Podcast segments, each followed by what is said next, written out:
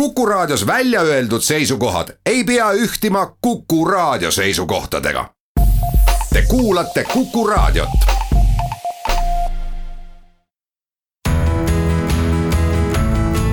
kuku Raadio nädala kommentaar. tere, olen Ardo Pajula. viimasel neljal nädalal oleme oma kommentaarides arutanud okkasionalismi nime kandva filosoofilise kontsepti üle otsa lahti teinud Sveni sõnul on okasionalism üks kristliku fatalismi haru. fatalismi teema jooksis läbi ka Peetri jutlusest, kes ütles, et okasionalismi uskumine viib meid eelkõige fatalismi, arusaama, et inimese enda vabast tahtest ei sõltu eriti üldse mitte midagi, või siis vähemalt äratundmiseni, et jumal või saatus on nagunii kõik ette ära otsustanud. Simon Blackburn defineerib oma Oxfordi filosoofia leksikonis okasionalismi nii. see on seisukoht et põhjuslikku toimet võib avaldada üksnes Jumala tegevus. eriti tähelepanuväärne on minu arvates aga Blackburni järgmine lause. Jumala tegutsemine kutsub esile harilike sündmustega kaasnevaid sündmusi, mida me peame nende tagajärgedeks. minu kui endise majandusteadlase jaoks haakub see mõte kohe korrelatsiooni analüüsiga.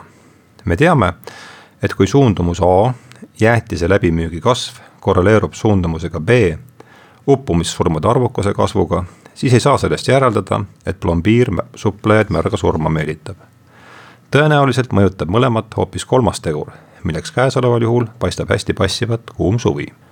me elame maailmas, mis on tulvil põhjuste ja tagajärgede vahelisi seoseid. okasjonalistid on ühes antiikskeptikute ja David Hume'iga seisukohal, et sellised seosed ei ole ei tajutavad ega kujuteldavad. me võime Blackburni sõnul küll näha, et sündmused üksteisele järgnevad, kuid me ei saa näha, kuidas nad seda teevad ja me ei suuda neid järgnevusi ka teoreetiliselt taasesitada. ometi sõltub meie elu nendest seostest, sest ilma nendeta laguneks reaalsuseks ettearvamatuks sündmuste puntraks. kuigi läänemaailmas seostatakse okkasionalismi tõepoolest eelkõige seitsmeteistkümnenda sajandi prantsuse filosoofi Nicolas Malebranche'iga, kes oli muidugi kristlane, viivad selle juured meid üheksanda sajandi islami teoloogiasse. muhameelduses võttis see kõige selgema vormi üheteistkümnendal sajandil Bagdadis elanud Abu Hamid Muhammad al-Ghazali teostes. viimase arvates said tagajärjekalt põhjuslik olla vaid jumala tegevus. kuigi üks keha või nähtus aval-, näib avaldavat teisele põhjuslikku mõju, nagu jäätis uppumissurmadele, on see põhjus vaid juhuslik või okkasionaalne. tõeliselt seob asjad üheks vaid Jumal, kes on kõige olemasoleva tõeline põhjus ja algläte sisuliselt ütleb okkasionalism oma ranges vormis seda, et maailm luuakse igal hetkel uuesti ja seega ka seda, et iga silmapilk võib jääda viimaseks. see moodsale inimesele täieliku nonsensina tunduv õpetus muutus läänes aktuaalseks uusaja alguses. seitsmeteistkümnenda sajandi ususõdades sattus valitsev aristotelik filosoofia vaenutstavate katoliiklaste ja protestantide vahele. selles olukorras paistis mehhanistlik teadus pakkuvat võimalust konflikti, konfliktist väljuda. Galilei sõnul kujutas viimne reaalsus kehastunud objektiivset matemaatilist süsteemi subjektiivsed argikogemused pandi arvamuste illusioonide hulka ja jäeti teadusest välja. kaasaegse loodusfilosoofia isa Rene Descartes nägi loodust hiiglasliku mehhanismina. kui kartesiaanlikus filosoofias ehk siis Descartesist alguse saanud filosoofias muutusid loomad ja taimed ühe hoobagi masinateks, siis inimesega oli asi esialgu pisut keerulisem. enne mehhanitsistlikku revolutsiooni seletati eksistentsi kolmel tasandil, keha, hing ja vaim esimesed kaks kuulusid loodusesse, vaim asus seevastu aga väljaspool aega ja ruumi. hing oli keskaegses maailmapildis justkui vaimu kasutajaliides suhtluses kehaga. pärast kartesiaanlikku revolutsiooni jäid järele kaks seletamise tasandit, keha ja vaim. loodus jäi oma hingest ilma, taimed ja loomad muutusid elututeks masinateks.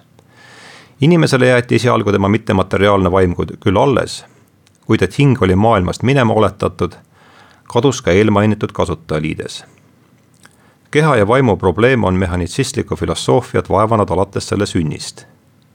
kui siinpoolses maailmas paiknevad kehad ja sealpoolses asuv vaim on kaks täiesti erinevat asja, kui teise puhul üldse asjast rääkida saab, siis kuidas need omavahel suhtlevad? okasjonalismis käsitletaksegi füüsilist ja vaimset kahe paralleelse süsteemina.